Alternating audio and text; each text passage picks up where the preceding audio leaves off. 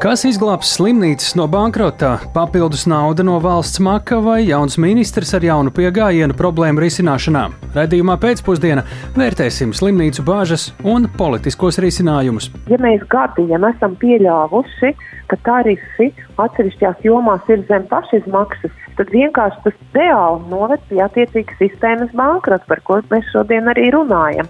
Tāpat raidījumā skaidrosim, ko nozīmē abortu atļaušana katoļu zemē Meksikā. Un vai ogrei būs pa kabatai uzbūvēt iespaidīgu bērnu spēļu laukumu senlatviešu pilsveidolā? Arī par to tūdaļ raidījumā pēcpusdienā kopā ar mani Tāli Eipuru.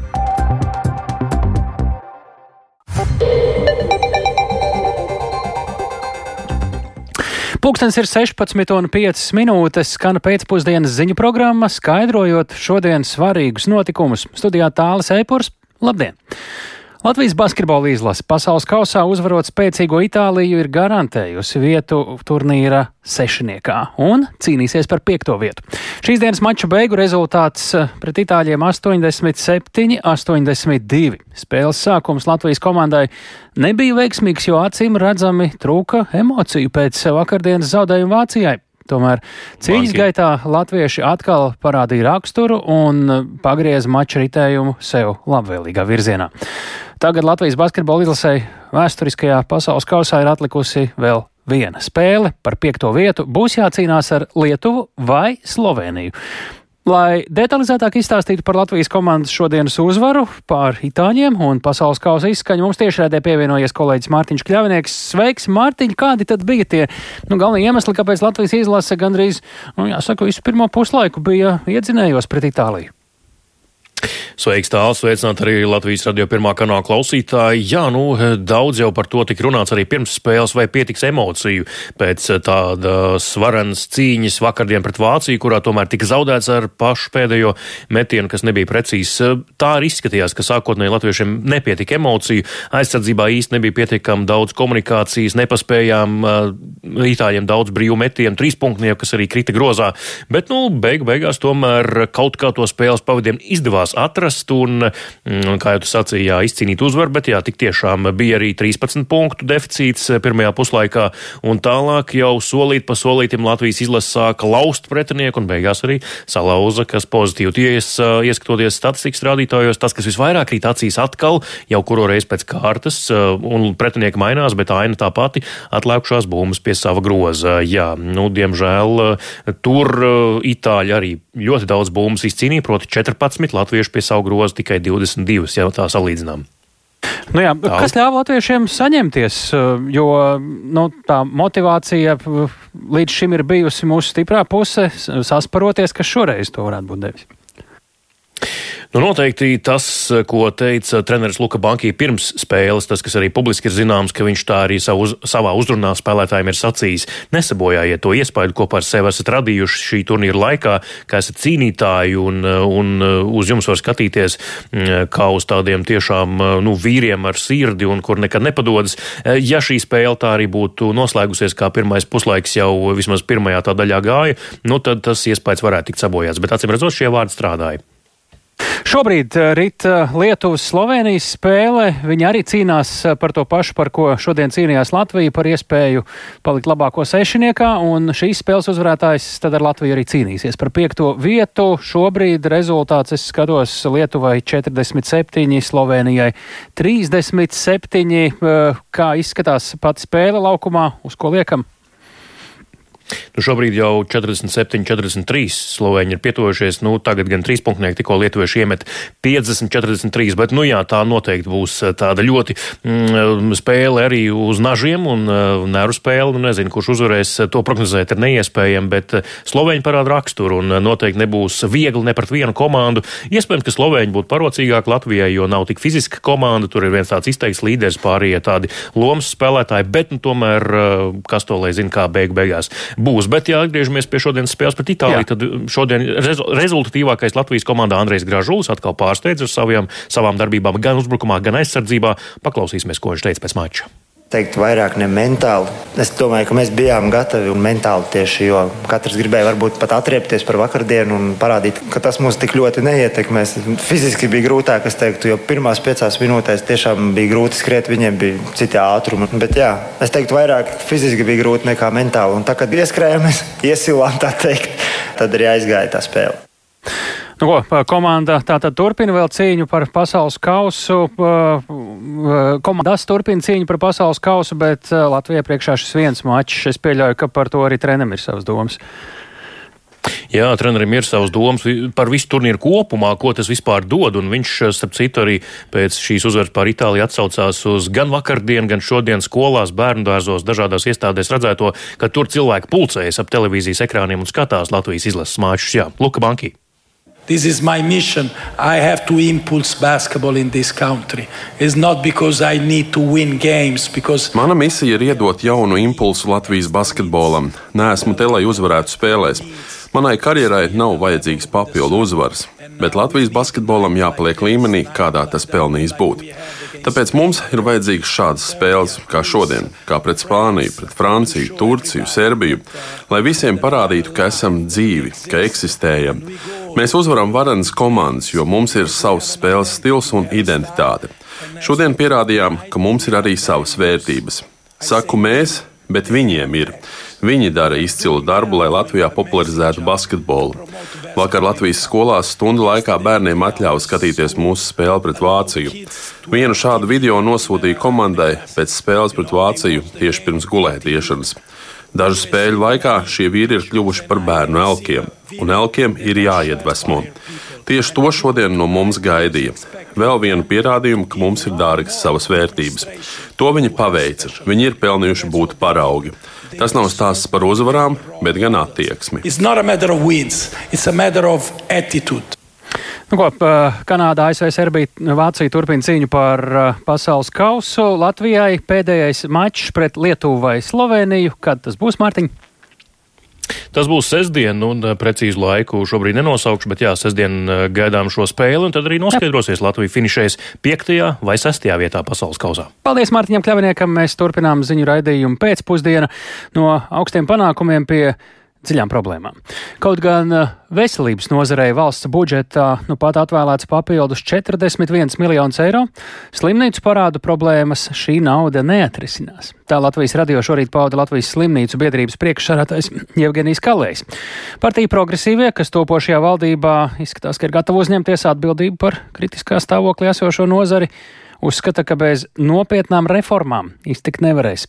Tikmēr veselības ekonomikas eksperti norāda, ka pirmām kārtām būtu svarīgi, lai arī veselības jomā darbotos visvienkāršākie ekonomikas pamatprincipi un valsts par pakalpojumiem samaksātu tik, cik tie patiesībā maksā, nevis pēc sen novecojušiem un realitātei neatbilstošiem tarifiem. Ja tā nenotiks, veselības aprūpas iestādes, kuras cilvēks ārstē par valsts naudu, tiks grūstas arvien dziļākā finansiālā bedrē. Plašāk Zaneniņa. Slimnīcu finansiālās problēmas, kuras valdības teica risināt ar atsevišķiem naudas piešķīrumiem, nav izveidojušās pēkšņi. Par pagājušajā gadā sniegtajiem pakalpojumiem valsts ir parādā ārstniecības iestādēm kopumā ap 88 miljoniem eiro. Tā šorīt intervijā Latvijas radio pauda Latvijas slimnīcu biedrības priekšsēdētājs Jevgeņijs Kalējs. Nu, tiem 41 miljonu, tikai 15 miljoni ir paredzēti slimnīcām, kas galīgi nerisina patreizējo brīžu jautājumu. Tad šie 15 miljoni ir tikai līdz gada beigām, un tie arī, protams, ir salīdzinoši nelieli finansu līdzekļi. Milzīgie valsts parāda ārstniecības iestādēm izveidojušies, jo valsts noteiktie pakalpojumu tarifi jau sen neatbilst reālajām izmaksām. Tajos nav ņemts vērā ne energoresursu, ne dzēdināšanas, nedz arī pārējo pozīciju sadārdzinājums. Vienkāršot izsakoties, valsts vēlas nopirkt zirgu, bet maksā kā par suni. Tā salīdzina Daugopils reģionālās slimnīcas vadītājs Grigorijs Semjonovs. Viņa vadītāja iestāde šī iemesla dēļ hroniski ir parādā gan par elektrību, gan citiem pakalpojumiem, kas jāpērk ārpus iestādes, un tādēļ tuvojas bankrota robežai.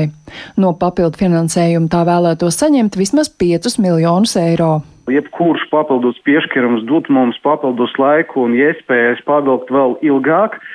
Sakoncentrēties, kaut kā pārprofilēties, cerēt uz to pamata lēmuma pieņemšanu. Mums galvenā problēma ir saistīta tieši ar cenu sadardzinājumu, inflāciju un ar energoresursu tad, teiksim, cenu kāpumu, bet pēc būtības to mums neviens negrasās kompensēt. Jaunās valdības veidošanas kontekstā izskanējis, ka atbildību par veselības nozari varētu uzņemties partija progresīvie.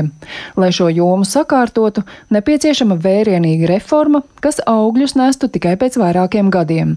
Tā Latvijas radio izteicās šīs partijas pārstāvis Edmunds Cepurītis. Mēs esam gatavi iestāties par to, lai mēs pārietu uz rezultātos un vērtībās balstītu veselības aprūpi. Pilnīgi apzinos, tā ir sarežģīta reforma. Tas, tas prasa daudz izpratnes maiņas, bet nu, mēs skatāmies tepat Igaunijā, daudz kas no tā notiek. Kas principā mainītos, tik daudz vairāk ievākti dati, kādi ir ārstēšanas rezultāti un visiem iesaistītajiem ar laiku. Tas prasīs daudz laika bet nu, tiktu nodots, ka samaksa būs par ārstēšanas labu rezultātu. Veselības aprūpas jomā reformas notiek teju vai nemitīgi.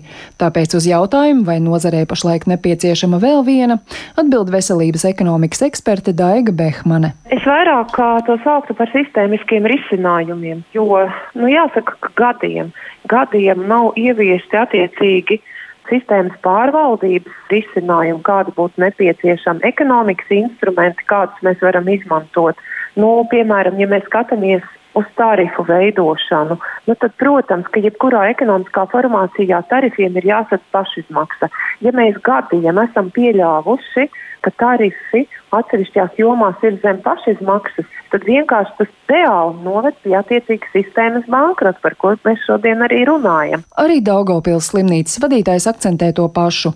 Proti, ja tarifi nemainīsies, nākamgad slimnīcu cīņa par finansējumu sāksies no jauna un ar vien tuvinās izputēšanai, kā arī neatgriezeniskiem zaudējumiem. Proti, ja nepietiekamā finansējuma dēļ nāksies atteikties no kādu pakalpojumu sniegšanas un atlaist speciālistus, vēlāk zaudēto atjaunot varētu būt ļoti grūti vai pat neiespējami.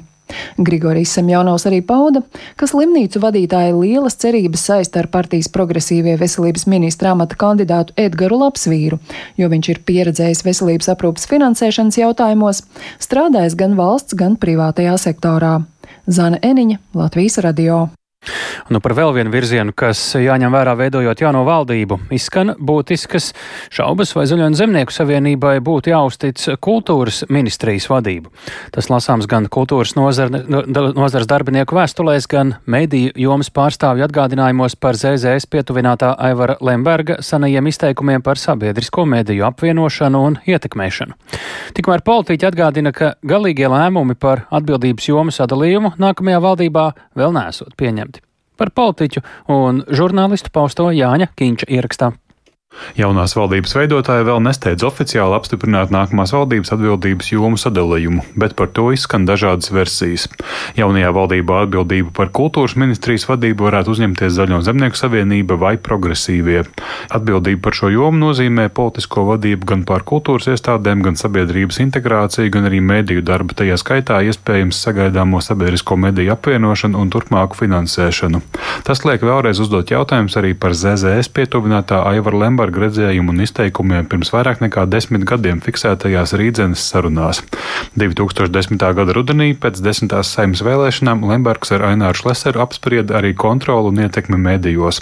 Lūk, citāts no žurnāla ir 2017. gadā publicētajām sarunām. To televīziju daudz maz sakārtoja valsts televīzija, bet tas valsts rādio kā bija, tā palika. Mēs uztaisīsim tā, apvienosim radio ar televīziju kopā un izmetīsim visus nafig. Izmetīsim ārā, saliksim normālus, progresīvus cilvēkus un viss, lai nebūtu tā, ka katru dienu tu ieslēdz radio un atkal tevi gāna. Šodien viens no ZZS līderiem Augusts Brigmans uzsver, ka atbildības jomu sadalījums vēl nav skaidrs. Savukārt, uzņemoties kultūras ministrijas vadību, ZZS virzītais kandidāts censtos ātrā laikā izrunāties ar iespējami plašu nozares pārstāvniecību.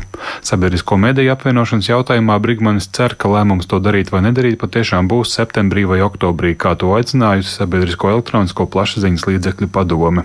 Savukārt uz jautājumu par Lemberga senajiem izteikumiem sabiedriskā mediju apvienošanu saistot ar ietekmes nostiprināšanu tajos, Brigmans atbildēja šādi. Ja mēs tādās kategorijās domājam, tad faktiski ļoti grūti atrast ministriju, ko mēs varētu ieņemt. Viss tiek grozīts un virzīts ap Lembergu. Man liekas, ka tas ir naivi. Es domāju, ka šajā brīdī ir jākoncentrējas mums uz darbiem. Ir arī versija, ka kultūras ministrijas vadību uzņemtos partiju progresīvie.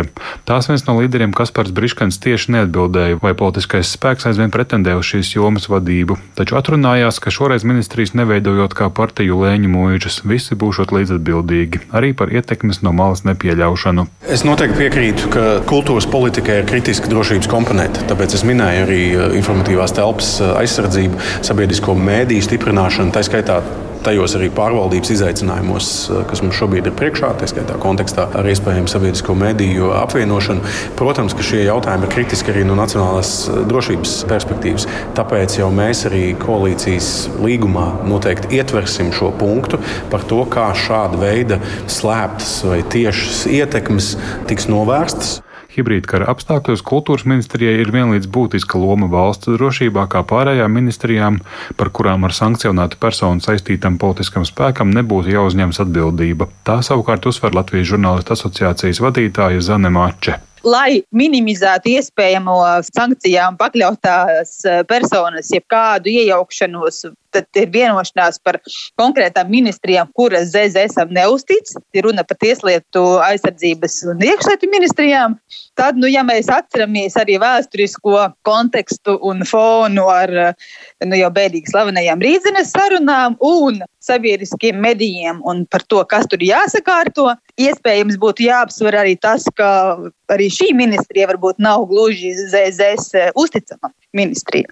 Žurnālistu asociācijas vadītāja arī uzsvēra, ka kultūras ministra amatā nepieciešams cilvēks ar zināšanām gan par kultūras nozari, gan mediju politiku. Nav sajūtas, ka šim amatam ZZS neoficiāli nosauktais Gunārs Kūtris būtu pievērsies šīm jomām, attiecīgi būtu piemērots šim amatam. Arī kultūras nozares pārstāvji publiskās vēstulēs aicina neīstenot vēl vienu neveiksmīgu eksperimentu ar ministru. Latvijas radošo savienību padome un laikmetīgās kultūras nevalstisko organizāciju asociācija pauž bažas, ka koalīcijas veidošanā kultūras jomai piešķirta pakārtota un otršķirīga loma, kuras pāraudzību šķietam varētu uzticēt jebkuram politiķim. Savukārt rakstniece Gundaga Repša mudina nepieļaut politiskus lēmumus uz kultūras rēķina. Jānis Kincis, Latvijas Radio. Deputāti šodien nolēmuši dot iespēju Latvijā dzīvojošiem Krievijas pilsoņiem valsts valodas eksāmenu kārtot eh, vēl divus gadus, lai tad iegūtu Eiropas Savienības pastāvīgā iedzīvotāju uzturēšanās atļauju. Šādi grozījumi imigrācijas likumā pagaidām atbalstīti pirmajā lasījumā. Pirms balsojuma notika arī kaislīgs debatas, un tajās klausījās un tās apkopoja kolēģi Paula Dēvids, un ar Paulu esam sazinājušies tiešraidē. Sveiki, Paula! Lūdzu atgādini, eh, ko paredz šie pagaidām pirmajā lasījumā atbalstītie likuma grozījumi. Jā, sveiks, tāli, labdien arī Latvijas radio klausītāji. Jā, tātad pirmajā lasījumā šodien atbalstīja grozījums imigrācijas likumā, un tie tātad dod iespēju šiem te pastāvīgās uzturēšanas atļaujas turētājiem, kuriem šīs atļaujas beidzās septembra sākumā, pieteikties termiņu uzturēšanās atļaujai vēl uz diviem gadiem, kuru laikā tad varētu apgūt šo te latviešu valodu vajadzīgajā līmenī. Un, grozījums sevi ietver arī citas izmaiņas, un viena no tām ir, ka pilsoņi, kuri saņēmuši šo vēsti par izraidīšanu no valsts, šīs noteiktās 90 dienas turpinās saņemt arī sociālo palīdzību un veselības aprūpi. Un šādas pašas sociālās garantijas noteikts arī tiem, kas saņem šīs termiņu uzturēšanās atļaujas uz vēl diviem gadiem. Un, uh, pamatojums ir tāds, ka šie cilvēki iepriekš ir saņēmuši tātad sociālās garantijas noteiktā līmenī, un lai pēkšņi nepazustu kāds pabalsts vai netiktu atteikts kāda, kāds veselības aprūpas pakalpojums, tātad uh, ir nolemts dot šādas iespējas. Piebildīšu, ka regulārajiem termiņu uzturēšanās atļaujas turētājiem šādas priekšrocības nav. Un, tātad 80 deputāti pirmajā lasījumā atbalstīja šos grozījumus, bet 13 bija pret. Jā, Tik tālu par īsumā par šiem grozījumiem. Mēs zinām, arī bija šīs karstās debates. Tā, šobrīd uh, skatos līdzi. Tā tad jau pieminējām, ka notika šis debats, vai var pastāstīt tomēr arī par tām vēl sīkāk? Jā, pastāstīšu. Tātad debatēja divu partiju pārstāvji. Viena bija vairāk deputāti no frakcijas Nacionālā apvienība, un uh, otra, otru pusi tātad aizstāvēja uh, deputāti no frakcijas Latvija pirmajā vietā. Un uh, pirmais tātad savu viedokli paust šodien nāca Jānis Dombrau no Nacionālās apvienības. Viņš vērs uzmanību uz to, ka tie, kuri vēlēšies, viņu prāt jau eksāmeni ir nolikuši vai vismaz mēģinājuši to darīt. Viņš arī aicināja grozījumus neatbalstīt. Arī šo te īpašo sociālo garantiju dēļ, un turpinājumā paklausīsimies fragment no viņa runas. Nevis tikai tie, kuri būs ieguvuši uzturēšanās atļauju, būs nodrošināti ar dažni dažādiem pabalstiem, bet tie, kas būs pieteikušies, un pieteikumu izvērtēšanas laikā viņiem arī tiks nodrošināti visi sociālie labumi. 58, prim 12. Tas ir visabsurdākais nu, pants, kādu vispār var kāda ministrija sagatavot tik neprofesionāli un ar tādu nevīžību pret budžetu. Es ceru, ka Reirkungs nāks un varbūt pateiks, ka tā gluži nevar attiekties pret budžetu. Jā, tā tad. Uh... Kā jau minēju, otro pusi pārstāvēja deputāti no Latvijas pirmajā vietā, un atbalstīt šos grozījumus aicināja arī Ramona Petrāviča, un tātad paklausīsimies viņas ļoti emocionālo runu. Kolēģi, es saprotu, sabiedrība mums ir dažādi sadalīta. Ir laukos dzīvojošie, kas skaitās tie norakstītie cilvēki, un tad ir pilsētas elite, bērni, kas mācās elitārās skolās, ir vakcinētie un tie dumjie nevakcinētie. Bet tikko radās jauna kategorija. Ir tie, kas ir dzimuši padomju laikos, un tie, kas ir dzimuši brīvā Latvijā. Es esmu dzimusi padomju laikā, par ko man kautrēties, par ko es esmu vainīga, es esmu piedzimusi padomju laikā. Vai arī man ir jābrauc projām no šīs valsts? Jā, es piebildīšu, ka te, ši, tas, par ko runā Ramona Petrāviča, īsti nav tas pats, par ko ir šie grozījumi imigrācijas likumā, un nekādas saistības īsti nav ar uh, dzimšanas, uh, dzimšanu padomu savienībā. Jā, šobrīd kas notiek tālāk? Likuma grozījumi pirmajā uh, lasījumā ir pieņemti, kad var gaidīt otro lasījumu, un kas pēc tam notiktu, ja pieņemtu šos grozījumus tā, kā tie šobrīd tiek virzīti? Jā, tā tad jau nākamajā nedēļā varam sagaidīt, ka 14. septembrī skatīs otrajā galīgajā lasījumā, jo ir tātad nolemts šo likumprojektu skatīt steidzamības kārtā, un tad, respektīvi, dienu pēc šī likuma, likumprojekta atbalstīšanas stāsies tas arī spēkā, un tad arī šie Krievijas pilsoņi varēs pieteikties šīm termiņu uzturēšanās atļaujām uz vēl diviem gadiem. Tālāk. Paldies, Paulai Devicai! Tik tālu par imigrācijas likuma grozījumiem, bet eh, pašvaldība plāno aizņemties divus miljonus, lai ogrē celtu rotaļu pili bērniem. Meksikā par abortu veikšanu atceļ kriminālu atbildību, bet neskaidros apstākļos nozāģēts liels ozols uz Rīgas pašvaldības zemes. Šie un citi temati raidījumā pēcpusdiena tuvākajās minūtēs.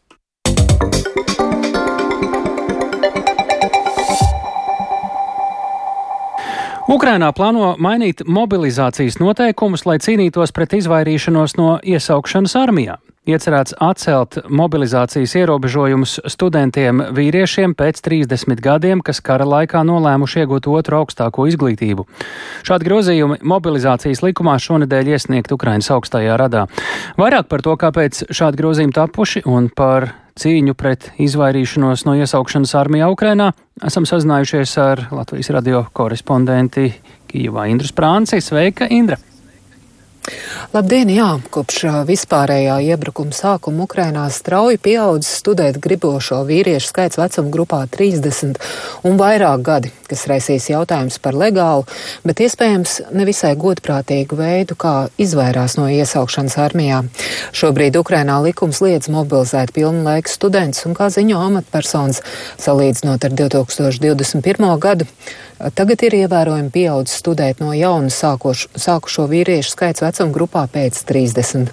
Kā norādījis prezidenta pārstāvs augstākajā radā Fedors Venislavskis, līdz Krievijas vispārējām iebrukumam Ukrainā 2021. gadā valstī bija ap 40 tūkstošiem studenti, kas ir 25 un vairāk gadus veci, bet sākoties pilna apmēra karam 2022. gadā šo um, 25 un vairāk gadus veco vīriešu studentu skaits pieaug līdz 106 tūkstošiem. Šogad tāpat šis skaitlis tojas 100 tūkstošiem, kas pēc Veneslavska domām liecina par aptuveni 60 tūkstošiem vīriešu, kas šo iespēju izmantojuši kā veidu, lai izvairītos no mobilizācijas. Līdz ar to ir iesniegt likuma grozījumi, kas šādu iespēju turpmāk liektu. Un grozījums atbalsta arī Ukla Ukrainas izglītības ministrs Oksens Lisov, Lisabojas, un, kā norādīja ministrs, mācīties nekad nav par vēlu. Taču iestāšanās augstskolās nevar būt motivēta tikai ar mērķi izvairīties no mobilizācijas. Tāli. Vai izvairīš, izvairīšanās no mobilizācijas uh, Ukrainā ir uh, plaši izplatīta problēma, ja reiz šādi grozījumi top, un ja tā ir, tad cik plaši? Nu, to varētu raksturot kā gan plaši izplatītu problēmu, par ko liecina gan Ukrainas Nacionālās drošības padomas lēmums augusta beigās veikt kompleksu pārbaudu par visu militāru medicīnisko komisiju lēmumiem saistībā ar invaliditātes noteikšanu. Tāpat plašas pārbaudas inicējas arī Nacionālā policija un arī citi tiesības sargi. Augusta otrā pusē tika veikts vairāk nekā 200 skatīšanas medicīniskajās komisijās un teritoriālajos militārās komplektēšanas centros. Pārbaudas Baudas veikts policijas izmeklēšanā aizdomās par lielu apmēru korupciju, kurā iesaistīts attiecīgo institūciju amatpersonas. Aizdomas ir, ka apmaiņā pret atlīdzību iestāžu pārstāvu palīdzēja šiem cilvēkiem nokārtot invaliditāti, kuras dēļ viņi uz laiku tika atzīti par nepiemērotu dienestam. Tiesības sargu redzeslokā nonākusi informācija par vairāk nekā desmit tūkstošiem šādu iespējams nepamatot atzinumu sagatavošanu, uz kā pamata tad, tad cilvēki netika iesaukt. Visas šīs lietas šobrīd tiek tiek pārskatītas. Tāpat atgādināšu, ka augusta pirmajā pusē arī Ukrainas prezidents paziņoja par lēmumu atlaist pilnīgi visus reģionālo kara komisariātu vadītājus, kā iemeslu minot apsūdzības korupcijā. Uz to brīdi bija zināms par 112 kriminālu procesiem, kuros cilvēki maksājuši, lai izvairītos no iesaukšanas armijā, nu, lai saņemtu izziņas, ka, kas viņus pasludina par nederīgiem dienestam. Veselības stāvokļa dēļ nu, viņiem nācies maksāt no 2000 līdz 10 tūkstošiem dolāru. Tās ir aptuvenas summas, un tie gadījumi ir ļoti dažādi. Un uh, saistībā ar šiem pārkāpumiem aizturēt ļoti daudz cilvēku. Piemēram, nesen uh, arī Kīvā paņemts uh, ciet arī kara komisariāta vadītājs Obolonskas un Podoļskas rajonos pie šī cilvēka par 3 līdz 4 tūkstošiem dolāru varēja tikt pie šādas izziņas par nederīgumu armijai. Taču tiesības sargi ir atklājuši arī dažādus citus veidus, kādā daļa Ukraiņu nu, mēģinājuši izvairīties no iesaukšanas armijā un, un arī savas valsts aizstāvēšanu. Piemēram, Ternopiļā kāds kara komisariāta pārstāvis iecaucamajiem piedāvājis izkļūt no mobilizējumu sarakstu caur iestāšanos vietējā mācību iestādē. Savukārt Iv Ivano Frankivskā aizturētas divas personas, kas uz kvadricikliem vadājuši cilvēks laukā no Ukrainas pa Karpatu meža takām. Arī aizkarpat apgabalā vietējie par naudu tirgojuši savu zināšanas, kā nelikumīgi šķērsot robežu pa kalnu takām. Savukārt Rīvnas apgabalā entuziasti izdomājuši, ka armijā iesaucamos var noformēt kā vietējā agroholdinga pārstāvis, kas uz ārzemēm tiek sūtīti risināt ar graudu izvešanu saistītos jautājumus. Nu, tikmēr uh, Ukrainas robežsardze ir informējis, ka kopš vispārējā iebrukuma sākuma konstatējis ap 20 tūkstošiem -hmm. nelikumīgu mēģinājumu pamest Ukrainu. Jā, die, daudz stāstu Ukrainā ir, jo uh, ir visdažādākie likteņi cilvēkiem tur šobrīd tik uh, vētrēnos laikos. Paldies Indrais Prancei par uh, ziņām attiecībā uz izvairīšanos no iesaukšanas armijā Ukrainā, bet mēs dodamies uz citu valsti. Krimināla atbildība par aborta veikšanu ir atcēlusi Meksikas augstākā tiesa. Līdz ar šo spriedumu aborti ir legalizēti visos 32 Meksikas štatos. Tas ir būtisks pavērsiens šajā katoļticīgajā valstī, kur sieviešu tiesība aizstāvji gadu desmitiem ir cīnījušies par iespēju sievietēm veikt likumīgas un drošas procedūras grūtniecības pārtraukšanai. Līdz ar to Meksika ir pievienojusies vēl citām Latvijas valstīm, kas pēdējos gados ir atļāvušas abortus. Turpina Uldis Česberis. Meksikas augstākā tiesa vakar nolēma, ka aborts nav noziegums un anulēja federālā krimināla likuma pantu, kas nosaka kriminālu atbildību par abortiem. Tiesa savā spriedumā norādīja, ka krimināla atbildība par abortu veikšanu ir neatbilstoša Meksikas konstitūcijai, jo tā pārkāpj sieviešu un grūtnieču tiesības. Sprieduma tekstā rakstīts, ka izvarošanas gadījumos nevienu meiteni nevar piespiest kļūt par māti, ne valsts, ne viņas vecāki, ne aizbildņi. Jau pirms diviem gadiem tiesa valsts ziemeļu štatā Kovilādē Saragosā lēma, ka krimināla sodi par aborta veikšanu ir pretrunā ar Meksikas konstitūciju, tāpēc veselības aprūpas iestādes ir tiesīgas tos veikt. Pēc tam vēl vairāku štatu tiesas dekriminalizēja abortus, taču federālā valdība nesteidzās veikt izmaiņas krimināla likumā. Sieviešu tiesību aizstāvji ir apsveikuši augstākās tiesas lēmumu, norādot, ka Meksikas iedzīvotājas turpmāk pašas varēs izlemt vai pārtraukt grūtniecību. Taču problēmas varētu sagādāt tas, ka ārstniecības iestādēs trūkst ārstu, kas prastu veikt drošus abortus, kā arī nav tam nepieciešamais aprīkojums. Meksikas iedzīvotāji dažādi ir uztvēruši augstākās tiesas lēmumu dekriminalizēt abortus. Guadalaharas iedzīvotājs Rauls Alejandro Sančes apsveica tiesas lēmumu. Que, bueno, ejemplo, mujer... Kad sieviete pēc izvarošanas nevēlas dzemdēt bērnu, daudzi cilvēki saka, bet kāpēc tu neatdod adopcijai, bet viņi nejūt tās sāpes, kurām šī sieviete ir izgājusi cauri, tāpēc es atbalstu abortus. Turpretī Sandra Bravo uzskata, ka aborti būtu jāatļauj tikai noteiktos gadījumos. Sí, Ja meitene tiek izvarota, tad es piekrītu, ka var veikt abortu, bet kad sieviete nodarbojas ar seksu labprātīgi, bet pēc tam vēlas veikt abortu, Ir taču pieejamas kontracepcijas tabletes un citi izsargāšanās veidi, tāpēc no abortiem būtu jāizvairās. Sieviešu tiesību aktīvisti gadu desmitiem ir cīnījušies par to, lai Meksikā atļautu veikt abortus. 2007. gadā Mehiko štats kļuva par pirmo, kur atļāva abortus. Tikai pēc 12 gadiem to izdarīja arī Oahakas štats. Pagājušajā nedēļā Agvas Kaljentesas štats kļuva par 12. Meksikas provinci, kas atļauj abortus. Arī citas Latīņamerikas valsts valstis pēdējos gados ir legalizējušas abortus. Pērn to izdarīja Kolumbija, bet 2020. gadā arī Argentīna. Aborti ir atļauti arī Kubā un Urugvajā. Reformas Latīņamerikas valstīs ir pretējas notiekošajam ASV, kur arvien vairāk štatu mēģina ierobežot sieviešu pieeju abortiem pēc tam, kad pērn augstākā tiesa atcēla pašas pirms 50 gadiem pieņemto spriedumu, kas garantēja tiesības uz abortu. Uldis Česberis, Latvijas radio. Kamēr Reizeknas pašvaldība cenšas pārvarēt finanšu krīzi, aizlāpīt gandrīz 4 miljonu eiro budžeta robu, cita pašvaldība tuvāk Rīgai, Ogres novadā, ir atspērusies izveidot jaunu bērnu rotaļu laukumu par nepilniem 2 miljoniem eiro naudu aizņemoties valsts kasē.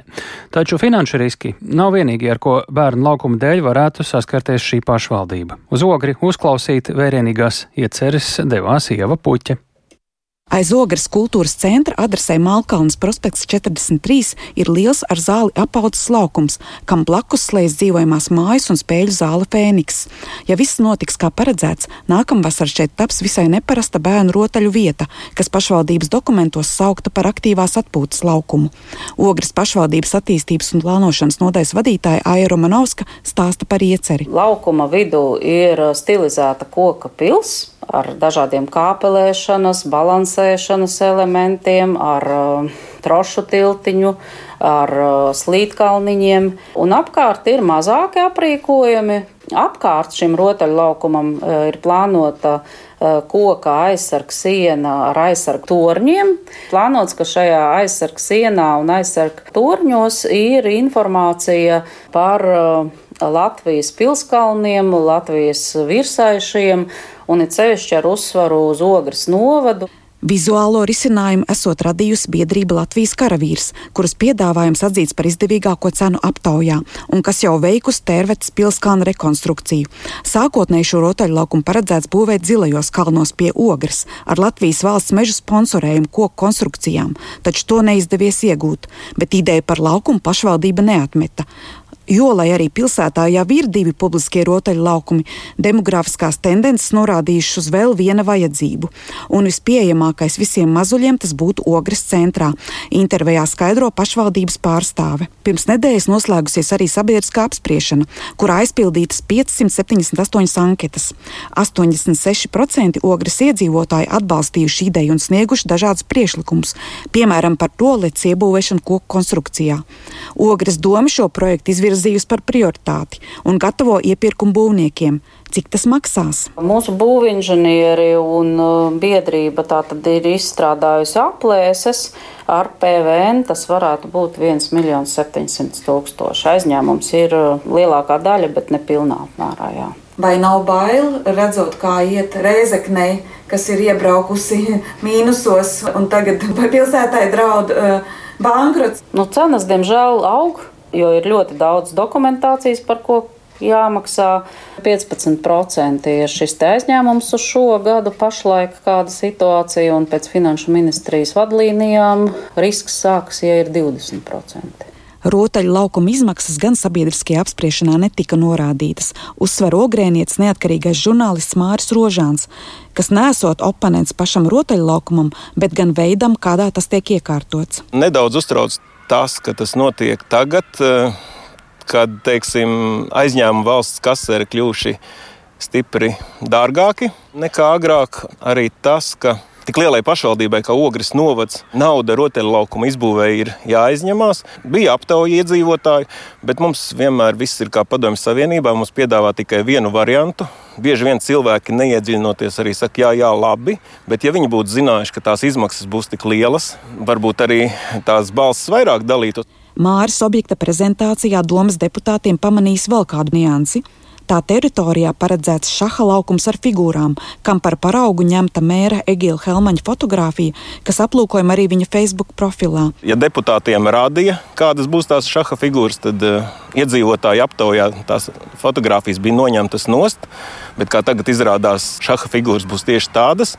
Un cilvēki jau arī nav muļķi. Viņi saredz, pazīst mākslu un zina, tās ir tieši tās pašas figūras, kuras domas priekšsēdētājs Helmanis pagājušā gada decembrī nofotografēja, viesojoties, slepus viesojoties pie Eiropas Savienības sankciju sarakstā iekļautā Piotra Avena, Lauģa Muižā. Vai arī šo ieceri paredzēts realizēt, jautāja attīstības un plānošanas nodaļas vadītājai Aijai Romanovskai. Saņēmām priekšlikumu un nevienu no biedrības latviešu karavīrs Tur bija gan koka skulptūras priekšlikumi, gan 20. un 30. gadu arī porcelāna izstrādājumu priekšlikumi, gan no antikvariāta materiāliem, gan no citām interneta vietnēm. Tā var saprast. Pievilcīgākais izpildījumā arī bija šis prezentētais materiāls cik es saprotu, romāna sūtas darbi. Pagājušā gadsimta 40. gados Kuzņecova fabrikā tapušajam šaha komplektam senlatvieši, kas redzams minētajā fotografijā,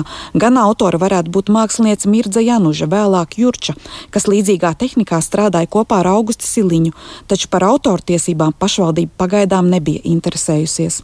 Ieva Puķa, Latvijas radio. Neskaidros apstākļos nozāģēts liels ozols, kas auga uz pašvaldības zemes. Par to trauksmi Rīgā ceļ Iļģu ciemu iedzīvotāji. Par to šodien pārbaudi sākusi arī policija. Pašvaldībā jau tagad secina, ka visticamāk tā bijusi ļaunprātīga darbība. Vairāk Viktora Demīdovas izžetā. Vairāk nekā metru plats ozols mīklainos apstākļos ir nozāģēts Ilģu ciemā pašvaldībai piedarošā teritorijā starp Riekstu un Motoru ielu. Tās ir mazas ielas, kas krustojas ar intensīvo Daugaugrīvas ielu. Koks audzis neapbūvētā teritorijā, kur auga arī citi koki. Apkārt šim laukumam ir daudz dzīvokļu mājas un kāda mēbeļu fabrika. Apkārtējie iedzīvotāji par notikumu ir sašutuši. Viņi uzskata, ka tas ozols bija pilnīgi vesels un nevienam netraucēja. Tā Tā šodien teica Dzircim un Ilģucīm apkaimju biedrībā, kas sociālajā platformā Facebook ir publicējusi nozāģētā koka fotografijas. Organizācijas aktīvisti meklē atsliecniekus, turpina biedrības valdes loceklis Digis Juško. Pats esmu to vietu apsakojis. Tur nav bijusi darbība pusstundas laikā. Tur ir cilvēki strādājuši vismaz kādas divas stundas, jo tur ir aizvākti arī no, nozāģētie zari, un tas ir bijis ar tehniku kopā un viss pārējais. Es domāju, ka apkārtnē ir esoši pietiekoši daudz video video novērošanas kameras, ja pats neprasa, ka to lietu var atrast. Tas liecinātu varētu to, ka kāds ir realizējis kādas savas intereses, kuras ir varbūt tās saistītas ar apkārtējiem zemes gabaliem vai šo tieši zemes gabalu, kur perspektīvā nākotnē šis koks var traucēt kaut kādas apgūves perspektīvas vai, nezinu, kaut kādas zemes izmantošanas iespējas. Rīgas domē norāda, ka ciršanas atļauja šajā teritorijā nevienam nav izsniegta. Turpina domas pārstāvis Mārtiņš Viljamsons. Pašvaldības īpašuma izlaupīšana nav nekāda prieka vēsts. Pēc mūsu rīcībā esošās informācijas neviena pašvaldības iestāde vai uzņēmums nav veikusi koku ciršanu. Visticamāk, ka tā ir ļaunprātīga darbība, par to ir informēta gan pašvaldības, gan valsts policija. Par notikušo valsts policija šodien ir sākusi pārbaudi, plašāku informāciju nesniedzot. Jāņem vērā, ka par patvaļīgu koku ciršanu svešā teritorijā var piemērot sodu ar brīvības atņemšanu uz laiku līdz diviem gadiem, vai ar īslaicīgu brīvības atņemšanu, vai ar probācijas uzraudzību, vai ar sabiedrisko darbu vai ar naudas sodu. Savukārt, ja koku nozāģēja organizēta grupa, personām draud līdz pat astoņus gadus ilgs cietumsots. Pašvaldībā informē, ka līdzīgs gadījums notika pagājušajā gadā, kad Bolderājas kapos ļaundari nozāģēja un aiznesa vairākus kokus. Viktors Demidovs, Latvijas radio. Tik tālu par svarīgāko šodienas ziņu raidījumā pēcpusdienā. Vēl jāpiebilst, ka šobrīd joprojām rīt spēle, kurā tiek noskaidrot Latvijas basketbola izlases pretinieku cīņā par piekto vietu pasaules kausā. Uzvarēja trešajā ceturtajā pagaidām tuvāk ir Lietuva, kas ir 11 punktus priekšā Slovenijai. Šo raidījumu veidoja tāls Eipurs Kārlis Dāgīlis, Renāšs Stēmenis, Ernests Valts Fjodorovs. Raidījumu klausieties arī Latvijas radio mobilajā lietotnē meklējot dienas ziņas.